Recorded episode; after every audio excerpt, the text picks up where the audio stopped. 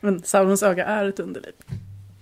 Jag måste ta med mina strumpor så att jag kan vara fri. Men du vet hur Tixi är. Ja, Jag har på mig tofflor jag. Men jag är en mycket mindre neurotisk själ. Än vad du är. Ja, jag är ganska jobbig. Ja. Nu har du umgåtts med mig hur många dagar den här veckan? Jag orkar inte ens tänka på det. Eh, Nej men det är väl, ska jag se. Uh, gud, det blir nästan sju Är dagar. det det längsta? Är det längre än London? Ja, det blir. Ja, det är längre än London. Ja, nu har vi sett allt snart. Ska jag köra igång?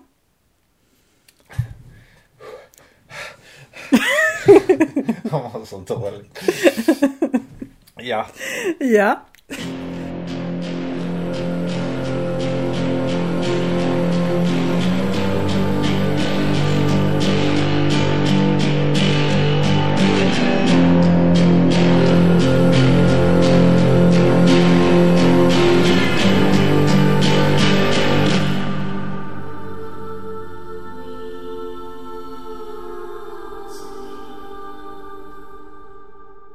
Hej och välkomna till avsnitt 31 av litteraturpodden Ett eget rum. Eller kanske 31, för att när vi sitter här nu så är det högst oklart ifall det här blir en podd överhuvudtaget. Jag tänker att det här kan bli vår, eh, den litterära poddversionen av Skymlinge. Säger det dig någonting? nej jag tänker på den här eh, Astrid Lindgrens, den här lite okända som du skrev om. Skinnskärping? Nej. Nej, nej, det här är... Eh, nu är i Stockholms tunnelbana. Eh, längs blåa linjen lät man bygga en, en tunnelbanehållplats som heter Skymlinge. Eh, som skulle ligga utåt Järvafältet. Men eh, man invigde aldrig den. Så det är en spökstation som man bara åker förbi på väg ut till Kista. Jaha, varför invigde man inte den? Jag tror att det hade med infrastrukturella skäl. Att det, fanns inte tillräckligt mycket underlag eller någonting sånt. Men konstigt att man först bygger den Jag och vet. sen kollar upp om det finns underlag för det. Ja, det är väldigt märkligt. Eller jag tänker att så här. Det är väl ganska rimligt att ha en, en liksom perrong där det är bebyggelse. Och det lär man väl kunna se innan tänker jag. Ja, jag tror att det var mycket kontor och sånt där. Jag vet inte riktigt faktiskt, men eh, det, det sägs att ibland om man åker på kvällarna så händer det spooky saker där. Oj. Så att, jag vet inte, vi kanske bara låtsas som att den här podden aldrig hade hänt. Så sitter vi här om några veckor och säger hej och välkommen till avsnitt 31. Eller vad tror du, ska vi berätta bakgrunden till varför vi är så... Ja, varför vi brasklappar. Ja. Ja men så här var det ju att... Jag är så icke-drivande Ja, hej och välkomna till Marcus Stenberg. Så här är- blir jag efter klockan åtta på kvällen. Jag har ingen initiativförmåga alls. Och du har tittat på, Kerst, på Kerstin Thorvall på SVT ju. Det mest förbjudna, Just det. det har du. Du var, du var ganska tyst under den timmen också. Ja, jag häcklade inte så mycket som Nej. jag gjorde under tidigare program idag. Nej, men vi började ju i morse i, i någon form av, av li- litterär eh, dramatisering på tv. Och såg Springfloden. Del två och tre. Mm. Just det, baserad på Rolf och Silla Börjlunds... Lind. Lind. Eh, deckare. Med samma namn. Ja, precis. Mm. Och den är ju för dålig. Ja, alltså den är inget bra. Alltså, den enda riktigt bra ingrediensen är ju Johan Widerberg. Som Minken. Mink. Vi, vi, vi satt ju... Sånt jäkla begrepp. Ja, fantastisk. Vi älskar Johan Widerberg båda två. Eh, Ja. Han är ju gravt underrepresenterad i svenskt filmliv överlag tycker jag. Om man inte skulle göra en tidsresa tillbaka till 1994. Då skulle det vara lite mer okej ja. när det gäller Widerberg-representationen. Men vi, vi satt ju faktiskt till och med och ropade visa minken. Någon slags improviserad fotbollsramsa. Ja. Och jag tog till och med upp besticken och eh, slog lite rytmiskt mot bordet. Ja, Jag har, jag har aldrig... Hemma hos Helena och Marcus. Ja, men jag har aldrig känt att de har... Det har varit sån isbergsteknik på en skådespelare i, i, i svensk tv liksom. Där de... Man får bara skymta minken lite då och då. Mm. Jättesnabbt. Han är ju någon sorts eh, sidekick till eh, Kjelle Berka Ja, från precis. Högdalen. Exakt, ja. Precis. Han är ju informatör, som han själv föredrar att kalla det. Eller tjallare, som andra säger. Ja, Men jag tror och hoppas att han kommer få en oerhört framträdande roll i avsnitt fyra. Annars blir jag besviken. men alltså vad, vad upplever du är så dåligt? Du Du, som, du är ju mer, alltså jag är väl egentligen mer expert på svensk eh, deckare på tv och Ja. film än dig. Men du har ju läst mycket, mycket mer Mm. deckare. Jag tycker persongallerierna är för jävla tunna. Mm. De får ingen backstory överhuvudtaget. Som, eh, som, som den här scenen när man på ett subtilt sätt skulle berätta för publiken att eh, huvudpersonen som är, eh, som är student på Polishögskolan, att hennes bästa kompis är gay.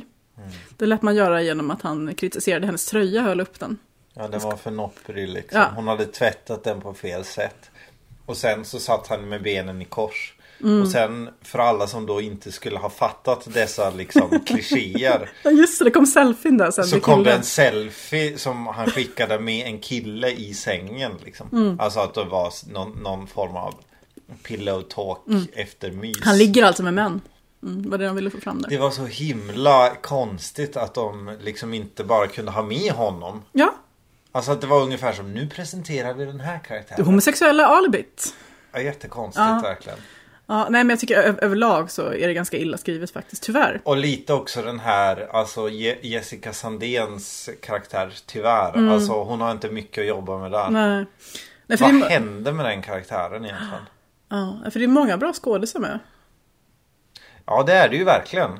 Men de jobbar ju mot manuset. Det borde ju snarare Mm. vara så här att ja ja, det var en bra story men det var lite pajigt skådespeleri. Sånt kan det ju, sånt kan ju hända liksom. Mm.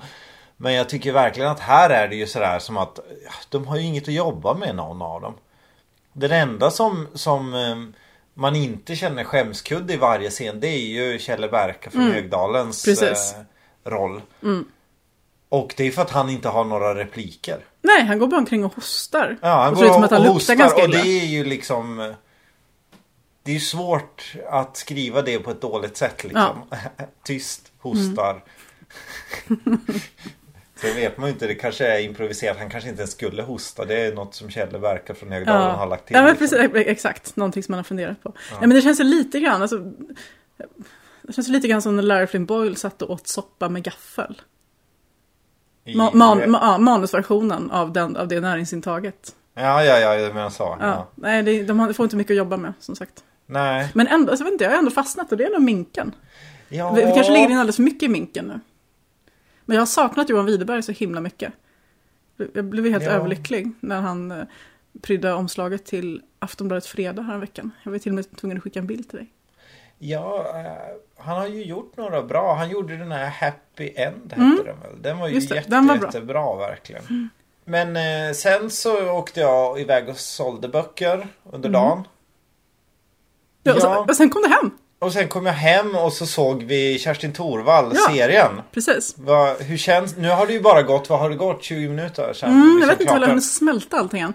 Men alltså, det var väldigt bra timing för mig det här med den här serien, Det mest förbjudna. För att jag har inte läst Kerstin Thorvall förrän för några månader sedan. Däremot så har hon liksom varit som en diffus närvaro i mitt liksom, feministiska liv. Det är intressant med henne för hon, hon vill ju aldrig kalla sig för feminist. Och hon eh, sympatiserade heller inte riktigt med kvinnor eller kvinnosaken. Men ändå har hon blivit en feministisk ikon. Och jag minns att jag tyckte hon var så jävla cool medan hon levde. Eh, när, man, när man såg henne i tv. Och eh, jag hade läst ganska mycket om henne. Men jag tror att det egentligen är först nu när jag börjar komma upp i någon slags nedre medelålder kanske. Mm. Eh, som jag kan relatera mer till henne. Och just den här dubbla bestraffningen som jag pratade om förut, som jag tycker kom fram väldigt bra redan i det här första avsnittet. Eh, att som kvinna med liksom ett ambivalent förhållande till, det behöver inte ens vara till moderskapet som jag väl gissar att det var i Kerstin Thorvalls fall, men just det här med att försöka få någon, till någon slags balans mellan karriär och barn. Man blir verkligen dubbelt bestraffad där för att eh, man, man går omkring med det konstanta dåliga samvetet över att man inte är tillräckligt närvarande för sina barn. Man eh, vill bort när man sitter i någon sandlåda och önskar att man kunde sätta sig och skriva istället. Ehm, men sen när man väl är på jobbet så får man ju som hon i alla fall fick höra att nej men du får inte åka till Paris. Det, vi bestämde oss för att det var inget bra jobb för en, en jäktande småbarnsmamma. Och det här var alltså 1959 som den här scenen utspelade sig. På Damernas Världsredaktion. Och det hade kunnat vara idag. Och jag tror att det mest förbjudna med Kerstin Thorvall idag är väl nästan just att hon var en sån dålig mamma, en dålig förälder.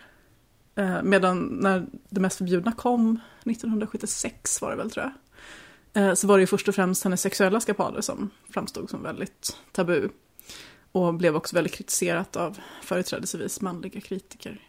Men nej, jag är jättefascinerad av Kerstin Thorvall och det känns som att det är ett författarskap som jag precis har börjat nudda vid. Vi har läst Det mest förbjudna.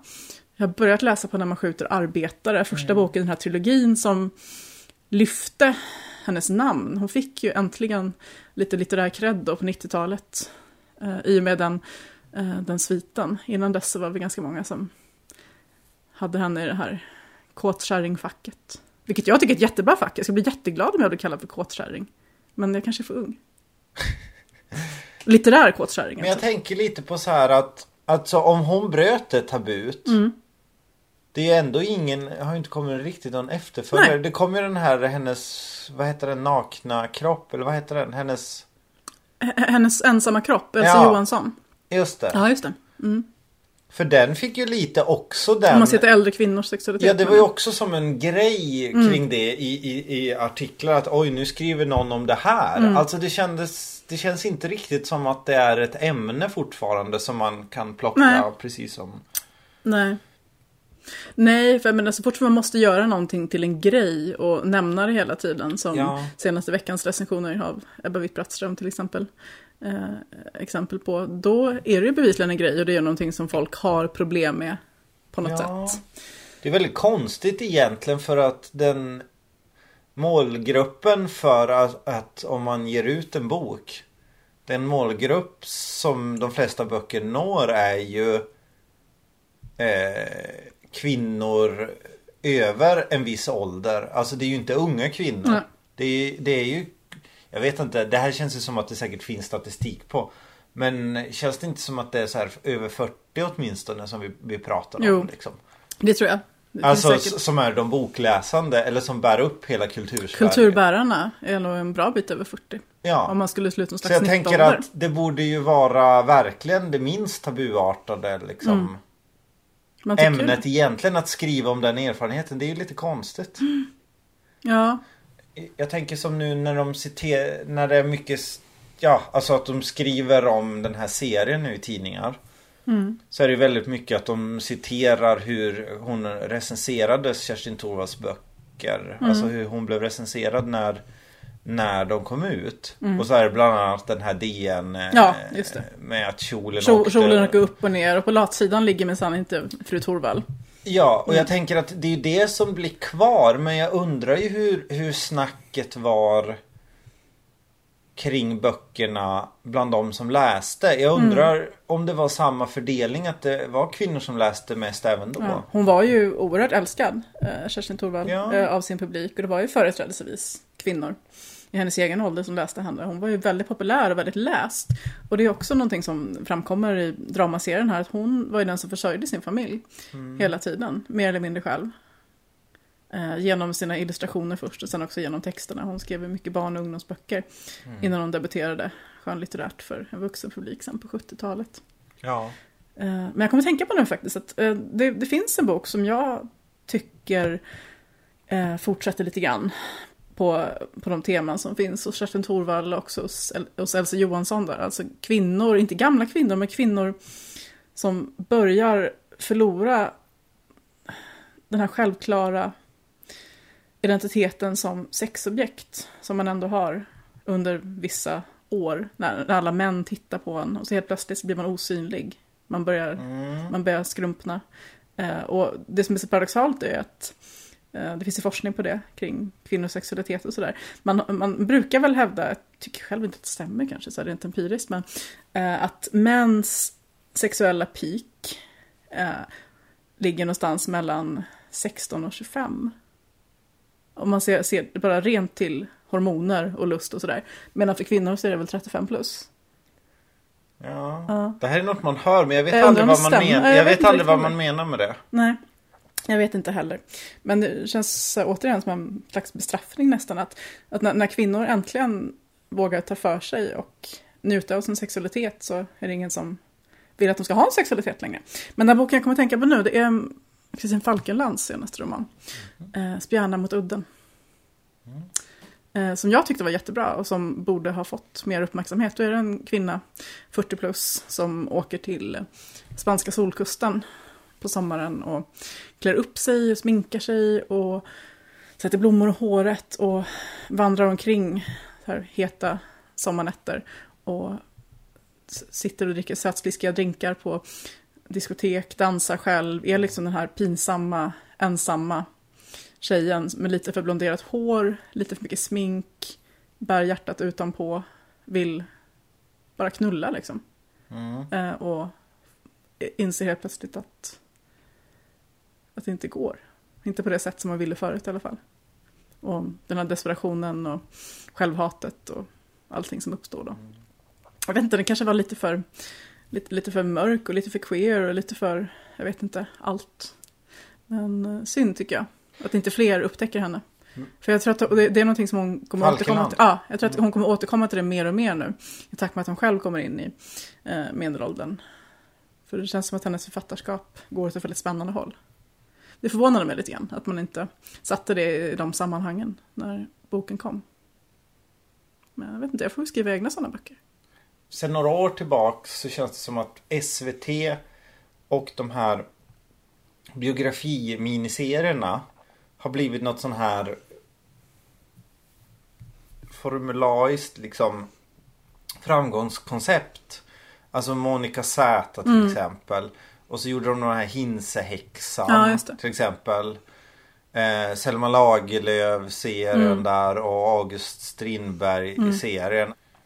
Jag tycker ju det är kul just när det är eh, litterära så här som man lyfter och det är kul för att det är ju liksom man lär sig ju någonting om de man inte kan så mycket om och sådär. Det kanske får författarskapet att liksom Det är det jag hoppas nu med Kerstin. återupptäckas. Men jag kan känna lite grann att jag kan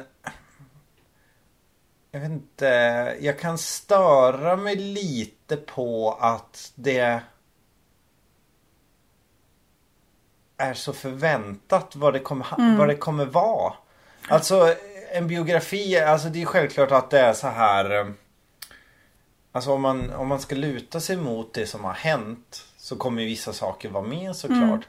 Men jag tycker att det är lite av en sån historiesyn som är eh, vad ska man säga de eh, avgörande ögonblicken eh, synen på historia. Du sådär. menar att det finns ett konsensus där kring vilka scener som ska Ja, vara med? Att man inte exakt. blir överraskad?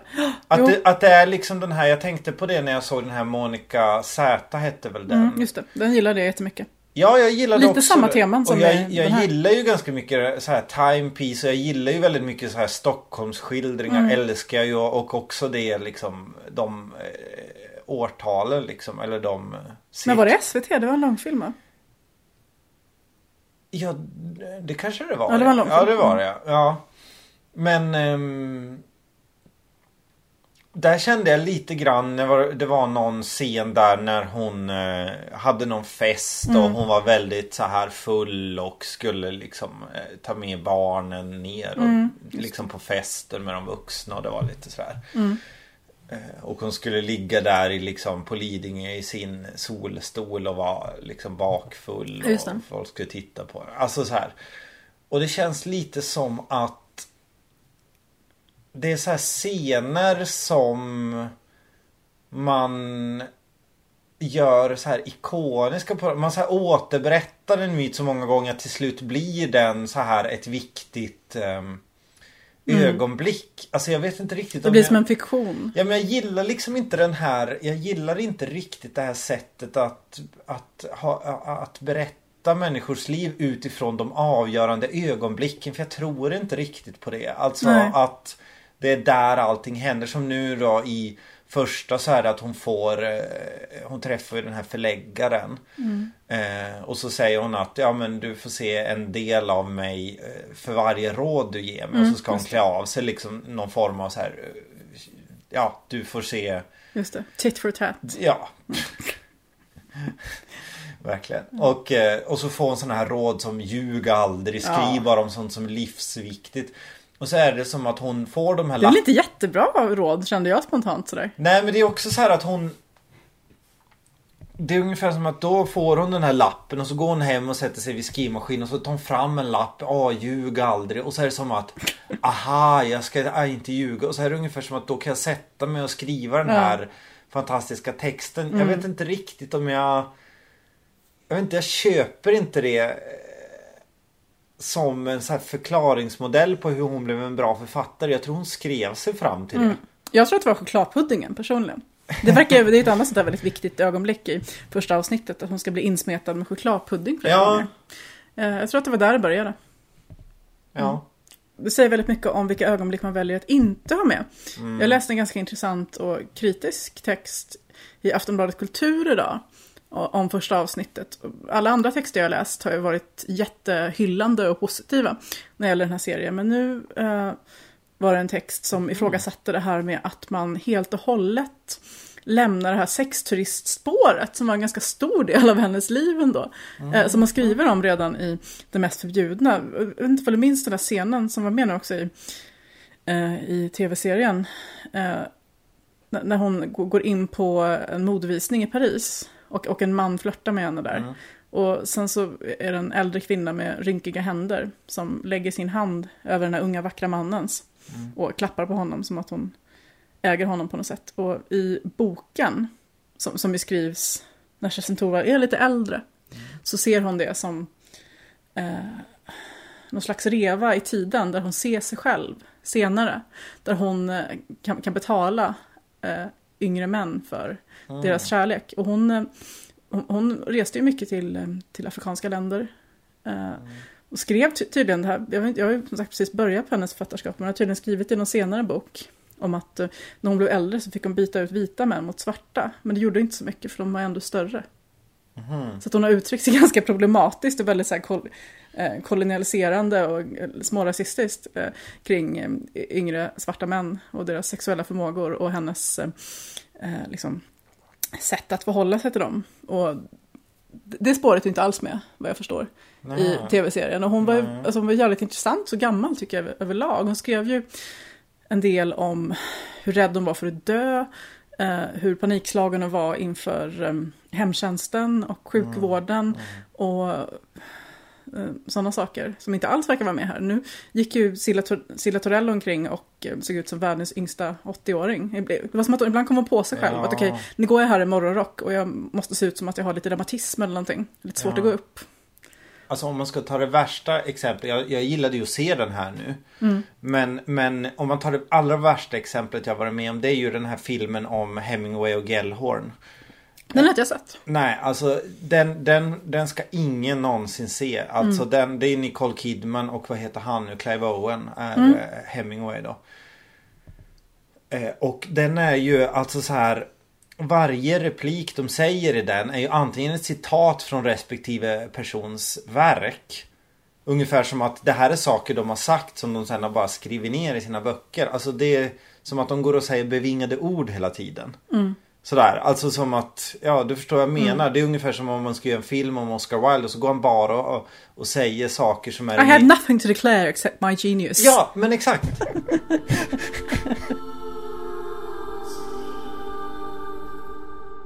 Jag har ju blivit nerröstad i ett i tidigare avsnitt. Jag kommer inte ihåg vilket eh, avsnittsnummer det var. Men, men vi ställde oss ju I frågan. know what you did last summer var det va? Var det det? Ja, det var det Mm. Ja, eh, heter det Novellix eller Novellix? Och- Och jag blev nedröstad av alla. Ingen Ingen! trodde på det jag sa. det. Och jag vet fortfarande inte. Jag blandar fortfarande ihop. Vad, vad blev framröstat? Novelix. Novellix. Mm. Men, Som i Asterix Obelix. som, ja, exakt. Det var ingen som trodde på ditt alternativ. Men alltså, vi skulle ju kunna gå till botten med det här och höra av oss till förlaget och fråga. Ja, men nu har det väl varit en folkomröstning. Ja, i och för sig. Fast i och för sig, i Sverige så lyssnar man ju sällan på sådana. Ja, burn. politisk lite, satir. lite, lite samhällskritik här Jaha. på kvällskvisten. Jo. Ja, Ja, jag kör minsann fortfarande på vänster sida av vägen. Nej, Jo, jo, 1967 eller vad det var. exakt. Ja, just det. Jo, 67-rörelsen, ja som jag exakt. kallar. Kristin Falkenland föddes 1967. Vi som fortfarande kör på vänster sida. Eh, Men böckerna då som ingår i det här släppet är Omsorgen av Susanna Alakoski. Eh, är du, var du lycklig farmor av Malou von Sivers? Spännande, det är hennes första skönlitterära endeavor. Älven av Anna-Karin Palm. Och American Hotel av Sara Stridsberg. Eh, och ska vi börja med att prata om eh, ifall vi har noterat några övergripande teman. För att jag, jag vet inte, brukar det vara så att det finns tematiska likheter mellan släppen? Att de Ja. ihop på något sätt? För jag tyckte mig se. Det brukar det ju kunna vara Mm. ibland. Alltså som eh, de mest uppenbara är ju till exempel att det är så här arbetarlitteratur. Mm. Eller att det är så här deckare eller fakta eller, eller så här fransk. Jag gillar verkligen Novelix. Jag har ju, ehm, kan jag berätta för Ja. lyssnarna här, jag har ju en liten dröm om att en gång bli tillfrågad om att få skriva en novell till Novelix. Ja, det skulle passa så bra. Jag har skrivit några noveller eh, och jag har flera på lager. Eh, Så att det är bara att höra av er. Så, nu har jag sålt Ja. mig färdigt för idag. Men vet du vad, jag noterade faktiskt en sak. Ehm, Förutom en sak som är så uppenbar, jag får inte behöva säga det då. Eh, Att alla är kvinnor. Jag funderar på att det var så här 8 mars Ja. släpp, men det är det inte. Men jag sitter och tittar på Alakoski-titeln här, som heter Omsorgen. Eh, Ett återkommande drag i alla de här fyra novellerna är att det finns kvinnor som ägnar sig åt omsorg och service. Mm. I Alakoskis bok så är det ju en kvinna som jobbar som, på, som sköterska på ett LSS-boende. Som förbereder sig för en tjejmiddag med sina kollegor. Eh, Malou von Sivers bok, novell, handlar om, eh, om en, en kvinna som hastigt och lustigt finner sig eh, i någon slags styrmodersposition styrmodesposition eh, innan hon ens har gift sig med mannen som är enkling. Eh, implicit där lite omvårdande och sådär. Eh, Sara Stridsberg, huvudpersonen där, hennes mamma, städerska. Eh, och eh, i Anna-Karin Palms novell så är det lite underförstått tycker jag att eh, huvudpersonen jobbar inom vården. För vi, ska, vi ska, behöver inte gå in på det nu men det händer någonting väldigt traumatiskt och chockartat i den här korta novellen. Eh, och när hon ringer till jobbet så säger de att ja, men då, då låter vi henne komma in istället, vi tar in henne. Och då tänkte jag att, att det förmodligen är ett jobb där, där, det, där frånvaro är liksom mer viktig än andra jobb. Men för jag är sjuk så gör inte det så mycket.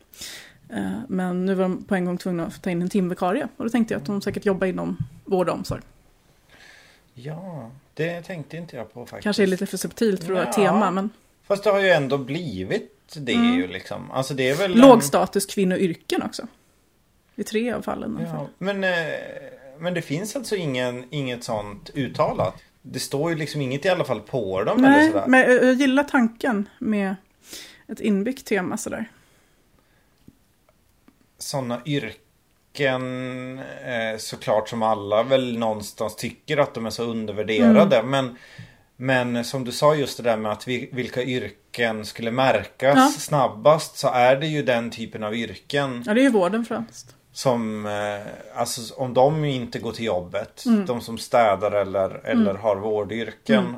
Eh, så, eh, eller annan form av omsorg liksom. Fallerar i samhället. Ja, det går väldigt snabbt då ju. Mm. Liksom så. Tänker jag. Ja, jag menar, om Malou von Sivers skulle tappa rösten så skulle vi inte våra samhällsfunktioner gå sönder på en gång. Eller tror du det? Eh, nej. Men Bob Hansson skulle bli ledsen för han skulle inte ha någon att dricka champagne med. Nej, exakt. Hur skulle han få tag i, i champagne? Ja, klockan halv elva på För han förmiddagen. skriver romaner nu. Han gör kanske det. Ja. Apropå kanske det här med Kerstin Thorvall temat här. Den som du sa då att hon inte kallade sig feminist och Mm. att det fanns att hon nu tolkas som det och så vidare och så vidare. Ja, jag tänker lite på, på någonting som är svårt att prata om om man inte välformulerar och nu är jag så himla trött också så det, det, det jag har ingen Det kommer bli här- jättebra det här. Nej men jag har verkligen ingen, ingen liksom bra formulering kring det men, men jag tycker att man kan läsa Nina Björks eh, som hon skriver om feminism idag i till exempel den här Lyckliga i alla sina dagar. Det där med skitliven. Eh, ja, det kan man väl säga. Det var väl en krönika hon, Ja, hon hade det, det. Just det. Men det är ju det temat Mm. egentligen. Alltså hon är ju väldigt mycket inne på ekonomi nu. Just det. Eller det var hon ju väl. Det var när under i viss mån i den första, i, i under det rosa täcket ja. Men, men hon är ju ännu mer uttalat i den. Men, men jag tänker mycket på det här med att värdera det som då traditionellt är kvinnoyrken. Mm. Att istället för att tänka i, alla lägen att det finns ett egenvärde i att få tillgång till de yrken som män har tillgång till. Mm. Så kanske man istället kan gå vägen att man uppvärderar de kvinnliga. Om du förstår vad jag menar. Alltså att, som jag förstår henne till exempel. Att man kan argumentera så här. Vi ska ha 50-50 könsfördelning och, eh, och mångfald i bolagsstyrelser. Men väldigt många av oss som är på vänsterkanten kanske tycker att vi istället ska ha inga bolagsstyrelser. Och då blir det ju någon form av Det blir ju en form av liksom man siktar lite fel om man siktar på att det ska vara jämnt fördelat i en bolagsstyrelse. För man vill ju inte ens ha det från början. Alltså det är ju, de ska ju bort ur det perspektivet istället. För, att, för att det ska bli jämlikt i dem. Sen kan man ju alltid säga att alla ska ha rätt att göra det man vill. Men, men är man emot vissa saker så, alltså som det här att eh, eh, kvinnor också ska få göra värnplikten eller lumpen. Liksom. Men jag till exempel som eh, vägrade göra lumpen. För mig som feminist kan ju inte det egentligen vara ett rimligt mål. Om du förstår vad jag menar. Nej. För jag är ju emot, jag är ju emot det försvar vi har. Liksom.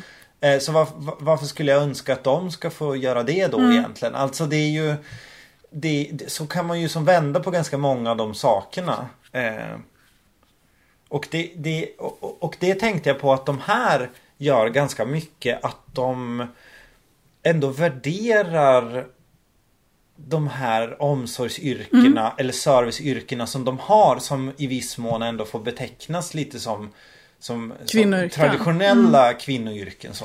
Ja. Och, och att det kanske skulle vara istället en vits att värdera upp dem. Jag, jag, jag tänker att det väl också är väldigt mycket ehm, en, en process och att vi, eftersom vi inte har kommit så långt, eftersom feminismen Mm. absolut inte har gått för långt, utan snarare gått för långsamt, så tänker jag att man kan dra paralleller till eh, hur man lagt upp genusvetenskapen. Eh, i, I första ledet, när man började med genusvetenskap, eller eh, med det kvinnohistoria som det hette då tror jag, eh, på universitet i Sverige. Då handlade ju första vågens feminism, som brukar säga väldigt mycket om att eh, plocka fram och uppvärdera, åtminstone ur litterärt perspektiv, som väl är det perspektivet jag ägnar mig mest åt när jag läste genus också, eh, författarskap som har varit förbisedda och uppvärdera dem. Mm, ja, och, först, och först senare, i steg två eller tre, eh, gå in på att försöka eh, problematisera mer. Eh, Alltså utifrån Mm. eh, andra strukturer. Ja, som, inte, som, inte bara, som inte rör att lyfta fram eh, och, och, och uppvärdera specifikt kvinnliga sfärer. Sen så kommer analysen liksom. Tänker jag. Ja. I Su- Susanna Alakoskis, den omsorgen. Mm.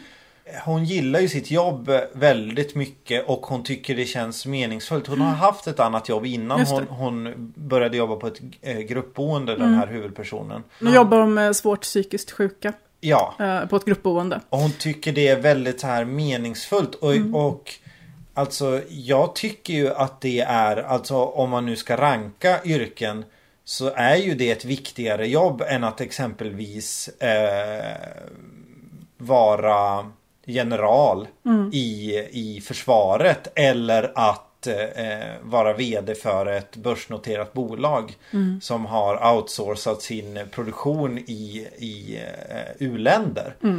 Det vore ju mycket bättre om vi skulle ge henne 100 000 i månaden Ja. än att vi ska se till så att vi har kvar bolagsstyrelser och, och sådana sviniga företag liksom. Eh, men att där ska det vara jämlikt för att de, de, de är ju inget bra ändå liksom. I, i min värld och så. Nej. Uh, angående alla de här, eh, om man plockar bort Malou von Sivers i och med att det är hennes eh, debut så går det inte riktigt att säga så om henne. Men eh, de andra tre författarskapen som jag väl ändå är ganska inläst på, jag tror jag har läst allt av alla tre. eh, Alakoski, Palm och eh, Stridsberg är att jag blev glad över att eh, de är så tydligt igenkännbara. Det finns en genomgående karaktäristik som, jag tycker, som jag tycker finns. någonting unikt för deras tre författarskap som märks väldigt tydligt i de här korta berättelserna. Och i Alakoskis fall så är det ju att hon är så otroligt bra på att skriva om klass. Tycker jag. Och jag tycker hon, hon gjorde det så bra här. Tänkte du på det? Att hon, hon tog in så, så många, eh, så många liksom livsstilsmarkörer. Det var, det var smink och det var, eh, de, de, har ju sparat som ska resa till Stockholm och gå på Jersey Boys. Och då säger huvudpersonen mot slutet där, Pernilla, att eh, Eh, hon tjänar 27 000 i månaden och tjänar mest av alla på gruppboendet. Men hon vet ju också att eh, hon har slagit i huvudet i lönetaket, hon kommer inte få mer. Men hon tycker ju ändå att det, i och med att hon kan resa till Stockholm och se på Jersey Boys så, så är hon ju nöjd. Mm. Så. Um, och jag, tyckte, jag vet inte, det var rörande på något sätt, den här berättelsen. Den, uh, jag kommer tänka lite på uh, Mrs Dalloway, faktiskt. För hon, hon, mm. hon förbereder ju en fest.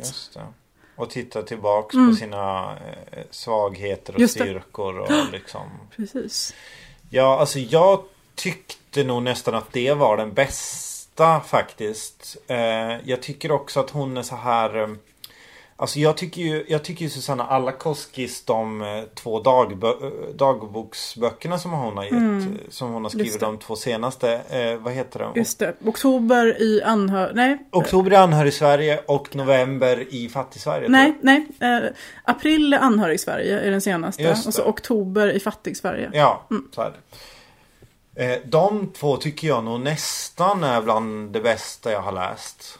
Mm. Alltså så, alltså de är väldigt högt upp. De är mm. åtminstone på topp 20 båda de två böckerna. Mm. Och jag tycker just för att hon så här också tar in Det är så fint hur hon tar in detaljer som jag tycker känns så otroligt så här autentiska. Som jag tänker så här, antingen är, gör hon, är hon väldigt bra på research eller så har hon jobbat med det här själv. Men hon kan liksom hon kan bara slänga in en detalj som känns himla autentisk. Och hon kan liksom lämna allt annat åt sidan. Alltså hon behöver inte bevisa i i liksom tio sidor att jo men jag, jag känner till det här. Utan hon kan mm. liksom koncentrera det i en liten detalj. Tycker jag är så himla himla hon är så himla bra på det. Mm. Har du några exempel härifrån? Ja, jag tror att jag har det. Vi ska se här. Jo, en sån jag tänkte på så här. Kursutbudet är alltid störst efter Aftonbladet löp om vansinnesdåd skriver hon mm, om. Just det. Alltså den, den fortbildning hon kan få. Mm. Eh, för hon skriver ju det, det som, det, som du sa så här att mm. ja, men hon är nöjd med sin lön. Hon tycker det är mycket pengar liksom. Mm. Den lägst betalda har 23 000, hon har drygt 27. Ja, och så kunde hon få 5 000 extra om hon jobbade OB också. Ja, just det. Mm. På en månad. Men, men eh, det hon kan få utöver det då, det är fort, utbildningskurser som hon inte behöver betala för. Mm. Eh, och där, där, däremot så, så kan hon inte göra det så ofta hon vill därför att då måste hon eh, ta ledigt. Alltså hon får inte göra det på arbetstid. Nej. Hon kan få utbildningen betald men inte, ja. Så då var det någon kurs hon hade läst där om psykotiskt beteende. Att det finns, de här kurserna blir fler när det har varit löpsedlar. Ja. Det är så tragiskt på något sätt att det Ja, ja, nu slänger vi in lite fler kurser här och så lugnar folk ner sig. Alltså det är lite mm. som när de alltid, någon alltid blir granskad i Uppdrag granskning. Så, så, så, så vi ska nu, se över ja. våra rutiner eller vi ska tillsätta en utredning. Eller så här. Alltså jag tänker att det här är det i mm. praktiken mm. som hon ser ja. då. Liksom. Precis, det är lite grann som eh, efter knivdådet på äh, asylboendet för några månader sedan. Så var det väldigt mycket upprörda röster. Att nu måste vi se över rutinerna, man kan mm. inte jobba ensam som ung kvinna. Och sådär. Men sen har det bara blivit helt tyst om det. Ja, så tänkte jag också på den här detaljen som hon hade så här hjärtskärande. Eh, mm. Eh, med hon som eh, mikrade sitt gosedjur ja. för att det skulle vara varmt. Och det tänker jag så här. Hon behöver liksom inte beskriva en hel liksom, rapport från en skurhinkskildring när man har en sån detalj. För då fattar man att det här är legit liksom. Mm. Jag tyckte det var så otroligt hjärteskärande också när hon skrev om hur majoriteten av de här intagna på det här LSS-boendet uh, har ganska svåra ätstörningar. De hetsäter, i synnerhet kvinnorna.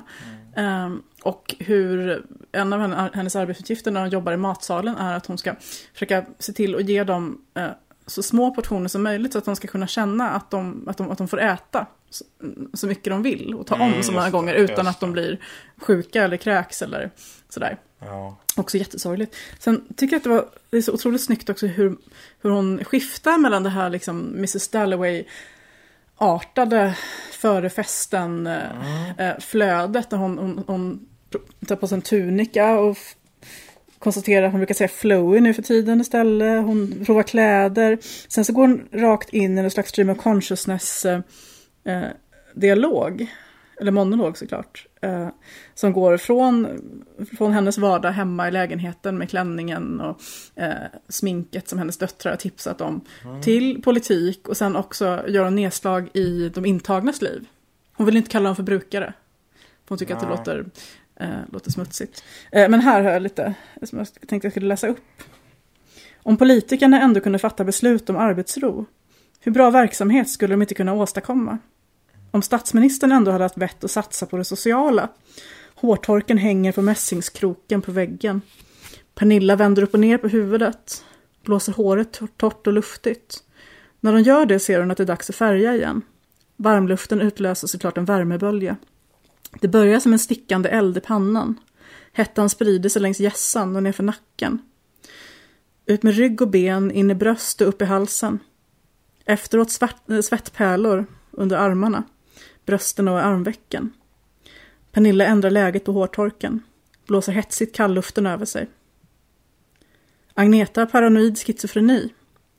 Hon har inte kropp, bara ett ansikte. Och ansiktet är ett fusiliumfrö.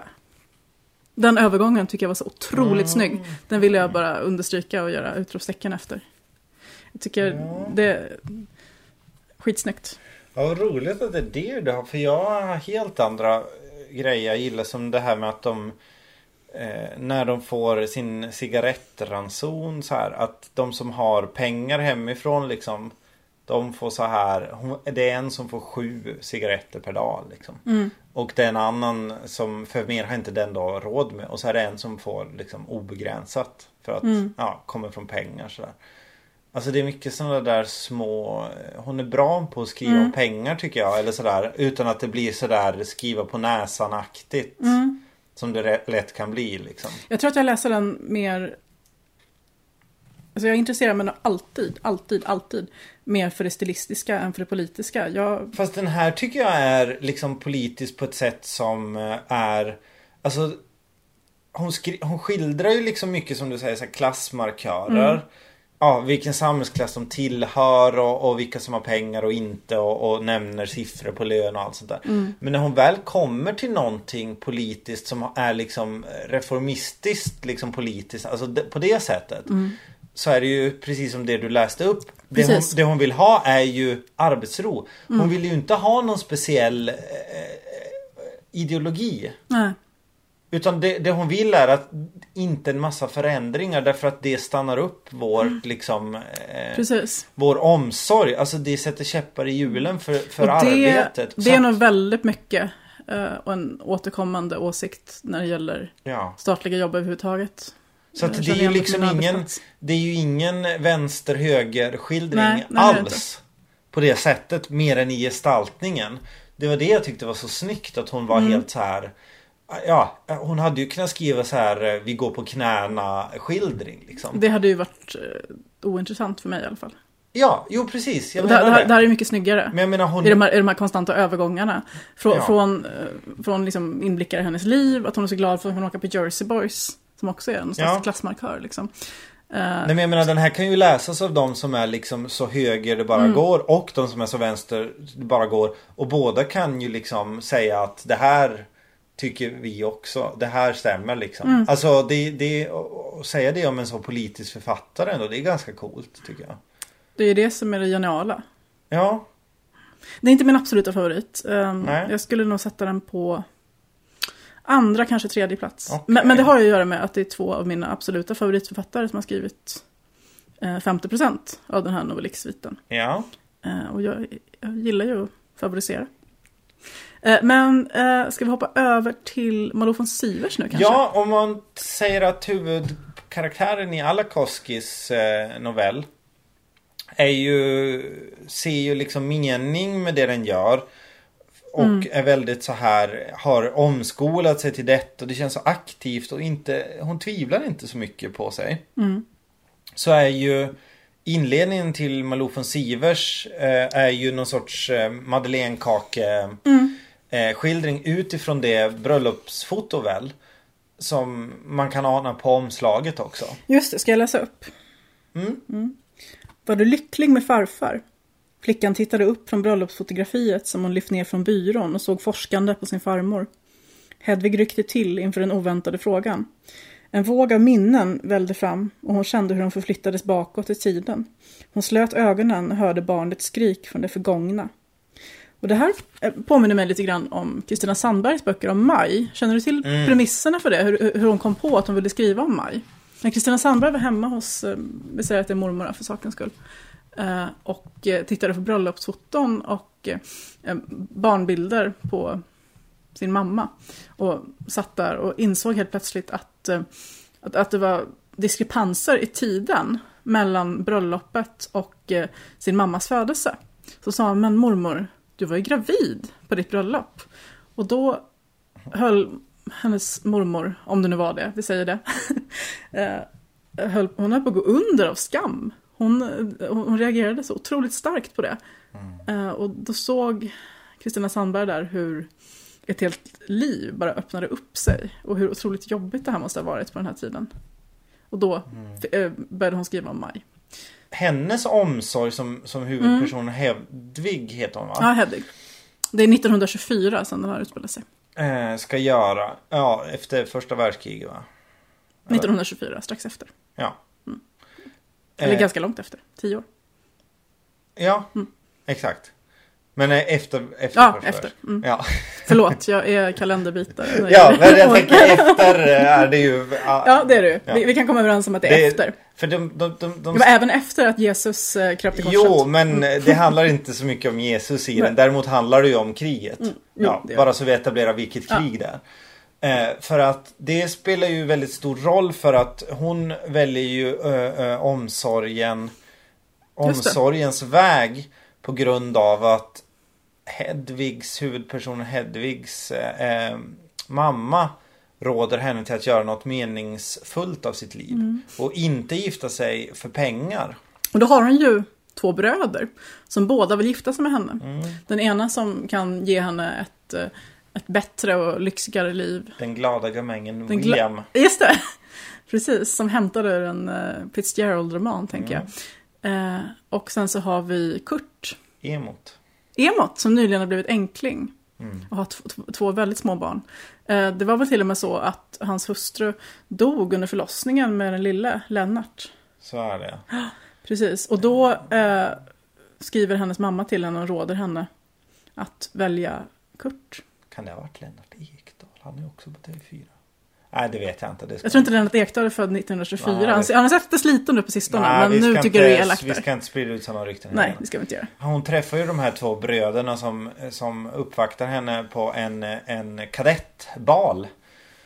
Mm. Väl? Ja, och, just ehm, eh, eh, Kurt då, han är en sån, han dansar inte, han sitter liksom och, och surar och, och Är det en Kurt Cobain-referens tror du? Det kan det. Otippat för Malou i så fall. Ja, han är ju väldigt, han är väldigt så emo och, och full i sorg och han går ju hem tidigt. Helt plötsligt har han bara gått hem så här. Mm. Medan den här William då dansar med henne och det är kul och allt så här. Men hon dras ju ändå till han då som hade, vad, vad stod det? Det var något så här att de var ehm, Hans tomma blick eller sorgsna blick eller någonting sådär. Det var den hon mindes från den kvällen. Hon vill fylla den blicken med någonting. Och det, just den här blicken återkommer ju sen. För hon väljer ju Kurt och får sen träffa hans små barn. Lilla Lennart som är väl kanske max ett år, riktigt liten. Ja. Och sen flicka som är lite äldre. Eh, och ganska snart så förstår hon ju, jag kommer tänka lite grann på eh, en av mina favoritromaner. Eh, Rebecca av Daphne du Maurier.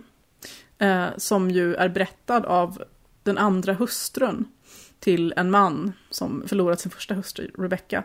Eh, och hur hon hela tiden lever i skuggan av den här kvinnan. Och eh, Hedvig märker ju ganska omgående, på tal om det där med blicken, att eh, han inte ser på henne på samma sätt som, han, som hon har sett på bröllopsfotot att han gjorde. På, vad heter hon? Någonting på S va? Sara? Kan det Just det, så var det. det? Just det, Sara, precis. Ja, eh, och eh, den här lilla stackars Lennart. Eh, Alla anklagar honom för att han har tag- tagit död på sin mamma mer eller mindre. Ja. Så han är lite grann en persona non grata där bland eh, morföräldrarna och även Kurt. Sorgligt. Och det är ju det som då huvudpersonen Hedvigs mamma i det här brevet då säger att hon ångrar så himla mycket att under kriget när det var som brist på allting Mm. Så hade Hedvigs familj väldigt mycket pengar och eh, inte alls brist. Mm. Och att de inte delade med sig just av det. det till de andra. Så det är lite klassbetonat där också sådär att Det det. hon ångrar så otroligt mycket att hon inte gjorde det och, och är så härligt för hon anger skälet eh, feghet och bekvämlighet. Mm. Och jag tror liksom att det är så himla Det är så himla Det är väl en liksom sliten spaning men alltså att de här som står bredvid när så hemska saker händer att Den kombinationen tror jag Jag, jag tyckte det var snyggt sammanfattat ändå sådär. Alltså att, att ge upp sina privilegier Det är feghet och bekvämlighet. Alltså det är starkt ändå att att stå för det som hon gör i det här brevet. Så det, jag tror det är det som gör att det påverkar henne. För hon har inte hört sin mamma resonera på det här Nej. sättet. Och genom att då den här Lennart då. Som ingen gillar. ah, Hon tänker liksom att. Och påminner sig själv om det också sen när hon går in i lite svackor och sådär. Att ja men han förtjänar att inte vara någon sorts outcast i den här familjen. Och någon sorts mordanklagat spädbarn. Ja, Liksom. precis. Så att hon ska ge då något liv sådär. Ja. Eh, till honom genom att ge honom lika mycket kärlek som de andra barnen. Jag undrar om det är Lennarts dotter som eh, ställer den madeleinekaksdoftande frågan i början. det kan det vara. Skulle kunna vara det. Faktiskt. Alltså, jag jag eh, måste säga att eh, stilistiskt håller ju den här novellen inte samma mått som de andra tre. Eh, men det hade man kanske inte heller väntat sig. Fast vad menar du när du säger det liksom? Alltså du tycker att... Hon skriver inte lika bra som de andra. Eh, jag tycker att hon, eh, att, hon, att hon sk- skriver ut för mycket Ja det kan jag hålla med om. hela tiden. Som, som, här, som här till exempel, vi är som två fångar i varsin bur tänkte hon. Inlåsta i samma fängelse. Ja, men det det är väldigt mycket så här. Det tyckte jag, det hade jag faktiskt skrivit commentary. upp. Det tyckte jag var ganska fint. För jag tänker att det är exakt det som är i... i ehm, Alltså det hade kunnat vara så här eh, citat som, som visas innan hela Kerstin Thorvall avsnittet här liksom. Ja, fast nej, det skulle inte göra det. Det skulle vara för uppenbart. Det är sånt man tänker när, när, när man läser eller ser. Det är, sånt, sånt, det är ingenting man ska skriva ut. Det är liksom litteraturens motsvarighet till du vet, de här små stenarna som man lägger ut i sin lägenhet med små tänkvärda ord. I min värld. Alltså det, det som funkar litterärt eh, i novellen är väl möjligen breven. Det finns ju två brev som, är, som är väldigt tongivande. Och, och du pratade om det ena här nu. Det är brevet eh, från eh, nu har jag glömt bort vad han heter. Jag är så engagerad i den här berättelsen. Vem? Hedvig? Hedvig, Hedvig Matilda vill jag få till. Matilda är ju barnet där, just det. Jag Hedvigs tänker mamma. på hon i Gifta vid första ögonkastet. Ja, ja, faktiskt. Jag, fick hennes uh, blick på näthinnan nu. Uh, och sen så dyker det upp ett brev från den döda frun också på slutet. Mm. Det är så skönt att de kommunicerar i brev. Det borde man göra mer. Ja, det kan jag hålla med om. Det är så skönt att de inte ringer varandra liksom. Ja, verkligen. Ja, inga, inga osköna överraskningar. Fast det blir det ju ändå. Uh, Fast jag, fast jag vet inte riktigt. Alltså jag tycker ju att, jag tycker att slutet så skriver hon på näsan den här liksom Mm. Den här lite så här duktiga sammanfattningen av, av det hon redan har gestaltat. Men jag tycker Ja. som det här med fängelse det tycker inte jag är alltså Nej, men den, den, är för, den är för prydlig för mig. Det, den, den, är för, den är, har en för tydlig komposition. Hon, hon är duktig. Det är hon. Ja. Jag, jag blev glatt överraskad faktiskt. Ja. Men jag tror att det är... Det är eh, någon som kan skriva Ja, absolut, liksom, ja, absolut. utan Ja, jag måste göra det. Jag tyckte faktiskt den var jättebra. Ja. Ja, nej. Det tyckte hon inte jag. Men dä- dä- däremot så eh, hatade den inte så mycket som jag trodde att det skulle. Nej, Eh, nej. så, så, så det är bra. Men eh, jag vet inte, jag tror att det är ganska, en ganska vanlig villfarelse för folk som inte har skrivit så mycket. Att allting måste hänga ihop och det måste finnas ett tydligt slut och man måste kunna sammanfatta. Men det är ju det absolut värsta man kan göra mot en läsare tycker jag. Eh, att berätta för mycket. Men alltså, jag vet inte. Ja. Jag läste alla fyra idag, ganska snabbt. Jag har haft en läsvacka. så jag vet inte. Men alltså, jag, jag var jättefientligt inställd till den här Malou Sivers eh, boken till att börja med. Liksom. Jag tänkte, vad fan gör hon tillsammans med Sara Stridsberg och Anna-Karin Palm? Alltså, alltså den här att man ska show don't tell liksom, är, ju, Ja. är ju en bra regel. Den regeln kör jag inte Men man, på. men man tänker ju också på så här men typ Per Lagerkvist, de här kända ångest, ångest Mm. är min arvedel, mitt hjärtas skri i världen. Mm. Fast det, det är ju en liknelse. Hon jobbar ju inte med liknelser och poesi. Hon skriver hur- bara rakt ut. Fast hur, hur är det en liknelse att säga ångest, ångest? Per Lagerkvist får göra precis vad han vill. Jo men alltså eh, den stilistiskt, det är väl så långt, alltså, att inte skildra den känslan alls utan bara säga den namnet på känslan två gånger. Alltså förstår du vad jag menar? Att det är så här det är ju ingen generell Nej, nej, alltså man, nej, alltså man, man, kan inte, man kan inte liksom. använda show don't tell hela tiden. Det är väldigt många författarskap. Ja. Menar, Joyce Carol Oates, Edgar Allan Poe, flera av mina favoriter hade ju bara fallit bort på en gång. H.P. Lovecraft hade ju kastats ut i världsalltet. Ja, Eh, om någon hade eh, gått på show don't tell-regeln när han liksom skapade Cthulhu-mytologin. det hon skildrar där när hon tittar på sitt barn som sitter i en, en sån spjälsäng. Mm. Eh, det är ju att hon tänker, alltså hon skriver ju att hon tänker detta ju. Att vi är båda Mm. Eh, fångna i samma fängelse. Och att man har Sara en... Stridsberg till exempel, hon skriver ju aldrig tänker.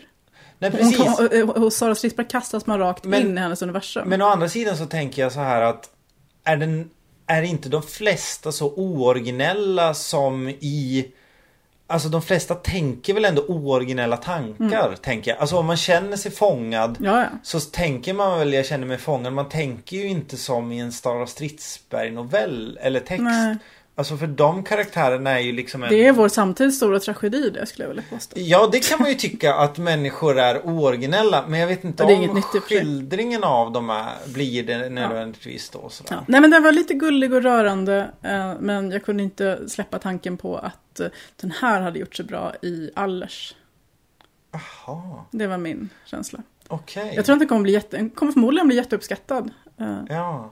men det är absolut, absolut min minst, minsta favorit. Om det här hade varit en inbunden novell. Ja, När ska de börja med det egentligen? Ja. Vem, vem blir först med inbunden kanske novell? du. Så här, ett F-pris lika högt som... Mm. Fast de gjorde ju det lite med Gillian Flynn. Ja, var är den inbunden? Eh, Nej, det är det ju nej. inte. Nej, förlåt. Den är inte det. Det är ju Mm. sån uh, häftad som de Just kallar det. Fast den, ja, Precis. danskt band kanske. Men, men jag skulle blurba den eh, så här. Jättebra. Skulle kunna vara en sån blurb för mig. Jättebra! Jag har läst Malou von Sivers och jag har tagit över hennes språk. Jag tyckte den var jättebra. Och din blurb skulle vara Jag hatade den inte lika mycket som jag trodde. Exakt! ja.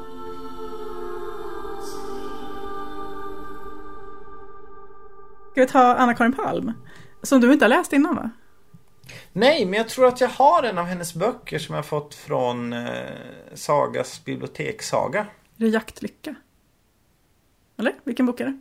Nej, jag vet inte vilken det är. Det kan vara Herrgården också, den är väldigt bra. Det är ingen ordning på mina böcker. Fortfarande. Snyggt där Bodil. Eh, nej, Anna-Karin Palm i alla fall läste jag första gången när jag var 14 tror jag. När Målarens döttrar kom. Hennes, eh, hennes stora, underbara, eh, episka roman som utspelar sig bland annat i Cornwall. Eh, men också i Sverige, i Stockholm i nutid. Eh, och det var en av mina första liksom, riktigt stora upplevelser av att läsa en roman för vuxna. För innan dess hade jag läst väldigt mycket Stephen King. Eh, och Agatha Christie och sådär. Men det här var nog min första samtida vuxenroman som jag läste och bara föll för totalt. Hon är så bildad och smart och skriver... Ja, hon, hon, hon skriver jättebra, som en klok man sa. Eh, Men eh, eh, sen så har hon skrivit... Det är, så, det, det är lite av en passivt aggressiv podd detta märker tror jag. det, ja. När vi båda är så här trötta och man har liksom så här, jag vet inte. Du har dina besvär och jag har mina besvär liksom, Ja. från dagens vedermödor. Det är århundradets kärlekskrig på gång här. Nej, det är det inte. Men i alla fall, eh, Jaktlycka kan jag rekommendera. Eh, henne, hennes senaste eh, novellsamling som kom för, om det är två år sedan nu. Eh, hon, hon har en tendens på snö, för att snöa in på olika ämnen som återkommer i hennes böcker, liksom verk för verk sådär. Eh, och Jaktlycka handlar om kvinnors sexualitet i olika skeden av livet eh, i ett antal noveller. Och första novellen handlar om en tjej som precis har förlorat oskulden. Eh, och som är ute och cyklar och tänker på sitt första samlag. Liksom. Nu sa jag samlag. Hej Saga! och Eva-Lotta. Och den sista är livets sista samlag. Det är två gamla människor som har varit gifta väldigt, väldigt länge. Där har du för övrigt en bra så här eh, titel på en bok slash novell eller podd. Så här, Livets sista samlag. Ja. Nej men det är bland det vackraste jag har läst, alltså den novellen. Jag grät Aha. som ett litet barn. Det är, eh, de Vadå, är... heter den så? Nej, nej. nej, alltså, nej. Jag, jag, vet inte vad den heter. Eh, novellsamlingen heter Jaktlycka, men det handlar i alla fall om en man och en kvinna som har varit gifta jättelänge. De är väl 80 plus, 85 kanske. Eh, och mannen fyller år och han är också väldigt, väldigt sjuk. Eh, och när som helst ska barnen och barnbarnen komma dit, men innan dess så har de sex. Eh, och de vet väl båda två att det kanske är sista gången. De har varit tillsammans jättelänge. Mm. De träffades ganska sent i livet ändå. Hon har varit gift en gång innan, vill jag minnas. Och träffade honom Ja, var, hon var typ 35 när de träffades. Hur, hur, som helst, det är så otroligt ömsint och sorgligt och vackert och bara sinnligt och jätte, jättefint.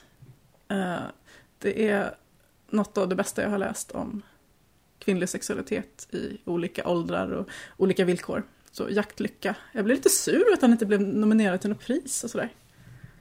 Mm. Men den här då? Mm. Eh, heter Älven. Och det är väl den kortaste novellen i gänget va? Ja, det är det nog ja. Mm. Och handlar om... Eh, ja, hur mycket ska vi avslöja egentligen? Jag vet inte. Alltså, ja. Den här är jag nog den som är... Jag är nog mest kritisk mot mm. den här av alla i hela fyran. Och jag vet inte om det är för att jag är lite så här... jag, jag, tror att jag vill läsa något helt annat just nu. Mm, att, det inte, det att det inte är så mycket så här mot den här. Men jag kände lite som när jag läste Korparna. Vad hette han nu igen? Thomas Bannerhed. Just det. Eh, Ja, det, det, är ju en naturskildring och, och, ja, en byskildring det här. Och lite såna här, det här liksom rejäla, att det blir liksom någon sån här plötsligt i Vinslöv känsla av det hela. Att det ska vara... Har vi till de vibbarna? Ja men, jag vet inte. Det, alltså, det här är ju kanske hemskt att säga men, men jag gillade ju inte Stina Stors novellsamling. Jag gillade, jag gillade hennes uppläsning av den för jag, jag, tyckte hon var väldigt bra på det. Vi var ju, vi var ju lyssnade på henne på Borås Tidnings debutantpris. Ja. På utdelningen där. Och det var så uppenbart att hon skulle vinna från början. Det var lite Jaha. tråkigt nästan. Vi hejade på Linna. Ja, och jag vet inte riktigt att jag, jag gillar ju när det är så här Norrland mm. och det är För här liksom... är Norrland känns det som nästan. Eller norröver någonstans. Ja, på något sätt. Skulle det kunna vara Dalarna, Dalälven också. Så.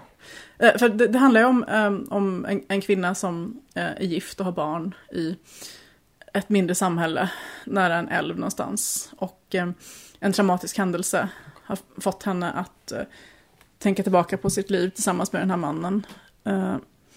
Men jag älskar ju alltid hur hon skriver och jag tycker att det finns ett melankoliskt vemod som genomsyrar allting som är väldigt vackert. Jag är inte heller sådär, bara, åh, nu vill jag läsa om, eh, om mustiga människor vid älven, men jag tycker inte att det är så riktigt här. Nej, nej. Jag tyckte att eh, slutmeningen var otroligt bra. Eh, och sen också... Ska du läsa den? Nej, det tänker jag inte göra. Det kallas för spoilers. Eh, men bara så, så att man ska få jag känner mig som en svensklärare som ska plocka fram meningar. Vi ska analysera barnen. Eh, nej, men hon tänker tillbaka på livet tillsammans med den här mannen. När de träffades så bodde de i, i en tvåa i samhället, en bit bort från älven. Man flyttar tillbaka till eh, hans föräldrars hus. Va? Mm. Mm. De där morgnarna insvepta i ett stillnat grådis, bultande av förväntan. De kändes som ett slags underlig mittpunkt i henne ännu långt efteråt. hur hon under de där åren med ens, alltid helt oväntat, kunde drabbas av en rasande hemlängtan. Ja, jag, jag tycker det är fint. Jag gillar att vistas i hennes språk. För mig så spelar det ingen roll vad hon skriver om. Nej, okej. Okay. Jag är på den nivån med henne nästan. Fast alltså det, här, det här kändes väldigt mycket bara som, det är ungefär som när, som när, när din katt Dylan vill ha eh, en påse med eh, gourmet gold, blötmat. Och så ger jag honom en sån här liten, eh, liten dreamy eh, kattgodis. Mm. Eh, det stillar ju behovet just den sekunden, men han står ju kvar där och, och, vill ha den där skålen med mat. Och så känner jag lite grann med den här också, att den var lite för kort Jaha, kanske. Jaha, okej. Okay. Mm. Ja. Nej, jag, jag, jag, jag tror det var mycket att sådär... Um, jag förstod kanske den inte. Vad den riktigt skildrade sådär. Alltså Mm. det blir lite, det var precis som som med typ Korparna eller med, med uh, Stina Stors Mm. novellsamling. Att jag så här Du skildrar en massa saker här. Så det känns som att personen kan vara lite nöjd med att oj, jag kom på den här detaljen om något så här. Mm. Eh, någon grovstickad eh, eh, liksom halsduk som luktar fuktigt. Mm. Och jag blir så här vad, vad, vad är det som skildras här? Jag, för, Mm. jag fattar inte vad det var, varför det skildras eh, på något sätt. Mm. Eh, när när eh, Bannerheds här, när hon bonde ut och plöjer eh, sida upp och sida ner liksom. Mm. Sådär. Och jag kan väl förstå liksom att det är sådär att man verkligen ska in i ett landskap och sådär. Men det är, nog, det är nog snarare så att jag tycker inte det är dåligt skrivet. Det är bara det att jag inte vill vara på den platsen. Liksom. Nej. Alltså så jag är inte intresserad av det liksom alls. Just nu i alla fall. Sådär. Mm. Jag kände nog att jag var där vid älven. Ja. Och, och hörde brusandet och satt där med henne och delade hennes panik. Ja. Så, men så det kan ju som sagt eh, ha att göra med jag, jag, jag, jag tror inte att det är så att du inte har förstått den. Men däremot tror jag väl att, att man har olika förförståelser av texter beroende på om man har läst författarna innan. Alltså jag, Mm. jag, får ju ingen uppförsbacke med henne med att jag har läst väldigt mycket annat av henne. Eh, och tycker om att vistas. Hon är en av de där författarna, Kristin Falkenland är ju en annan.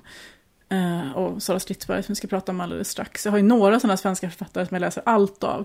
Jag skulle förmodligen, eh, om de liksom publicerade sina shoppinglistor med små putslustiga anteckningar kring Mm. vad de skulle laga till middag, skulle jag köpa det också. För jag skulle Mm. tycka om att läsa det. Så jag, är, Ja. jag, blir, jag blir nog väldigt, väldigt så lojal och liksom deterministiskt positiv mot mina favoritförfattare. Alltså, det här är ju inte lika bra som eh, Jaktlycka eller Målarnes döttrar eller Herrgården som jag tyckte väldigt mycket om. Den skulle du nog gilla kanske. En eh, väldigt så här, klaustrofobisk, dystopisk, lite så här, vagt historisk Mm. skildring eh, efter ett krig i Balkan någonstans. Fast det är ganska, det är ganska, det är inte uttalat var någonstans det är. Mm. Eh, Men den känns väldigt tidlös och så väldigt vagt hotfull, nästan lite så Markandre på något sätt. Men det kanske inte är din typ av Alltså bok. Mark riktigt. Andre är inte riktigt en av mina favoriter kan jag inte säga. Nej. Så, alltså jag har ganska, jag, eller jag ska inte säga så för jag har bara läst den här Alida Alide. Mm. Men jag har, jag har läst den två gånger för att jag för att det är så många som jag respekterar som gillar den. Liksom. Eller deras smak litar jag på liksom. Mm. Men jag tror också att det är en sån som jag inte, jag tycker inte den är dålig. Det är nog där att jag bara inte, den är inte um, gjord för mig liksom. Eller Nej. sådär, det är inte min typ av bok bara. Men jag tror jag har blivit mer och mer så här att, att jag har börjat, jag har börjat vilja ha en handling eller så här miljöer jag gillar. Jag Mm. tror det kan vara lite därför jag lurades av så här um, Malou von Sivers. Att det är därför jag tycker den är mycket bättre än vad Den du är ju tycker. mest intrigbaserad av de här fyra Ja. kan vi säga. Och så är den liksom i miljöer jag tycker det är ganska kul att höra om också Mm. sådär. En snygg grej faktiskt med Malou von Sivers novell, om jag ska bli lite storsint nu, eh, är att eh, Dr. Glas ligger uppslagen på eh, den döda hustruns sida av sängen. Ja, ah, allvarsamma leken. Nej, nej förlåt, den allvarsamma leken. Mm. Ja, det var det. Ja, ja, Ja. det gick ju bra det här. Jag gillade den Hjalmar-droppen liksom. precis, ja, den allvarsamma leken, precis. Den, den har ju någon koppling till den här Anna-Karin Palms. Det har skett någon sorts kompromiss. Eller vad man ska säga. Mm. Livskompromiss ganska stor sådär. Som de eh, inser, de har blivit kvar i på Mm. något sätt. Det är ganska... Och ändå så skildras det inte som sorg liksom. Nej. Över det. Alltså förstår du vad jag menar? Ja. Alltså att man, man tittar inte tillbaks på så här vad jag ångrar mig nu. Att jag gjorde en kompromiss. Utan det är snarare att titta tillbaks. Jag gjorde den där kompromissen och det är det jag vill. Ja, men I Anna-Karin Palms novell så befinner hon sig i akut sorg. Mm. Som triggar igång den latenta sorgen som hon har levt med ganska länge. Ja, ja. Att, att, att, att hennes man som nu har råkat ut för en olycka. Eh, att hon har velat lämna honom men inte kommit sig för. Mm. Och nu blir hon nästan lite nöjd med att nu slipper hon ju lämna honom. Jaha, jag tolkade det helt tvärtom. Jag tolkade det som så här att Nu skulle hon aldrig kunna lämna honom. Nej, precis.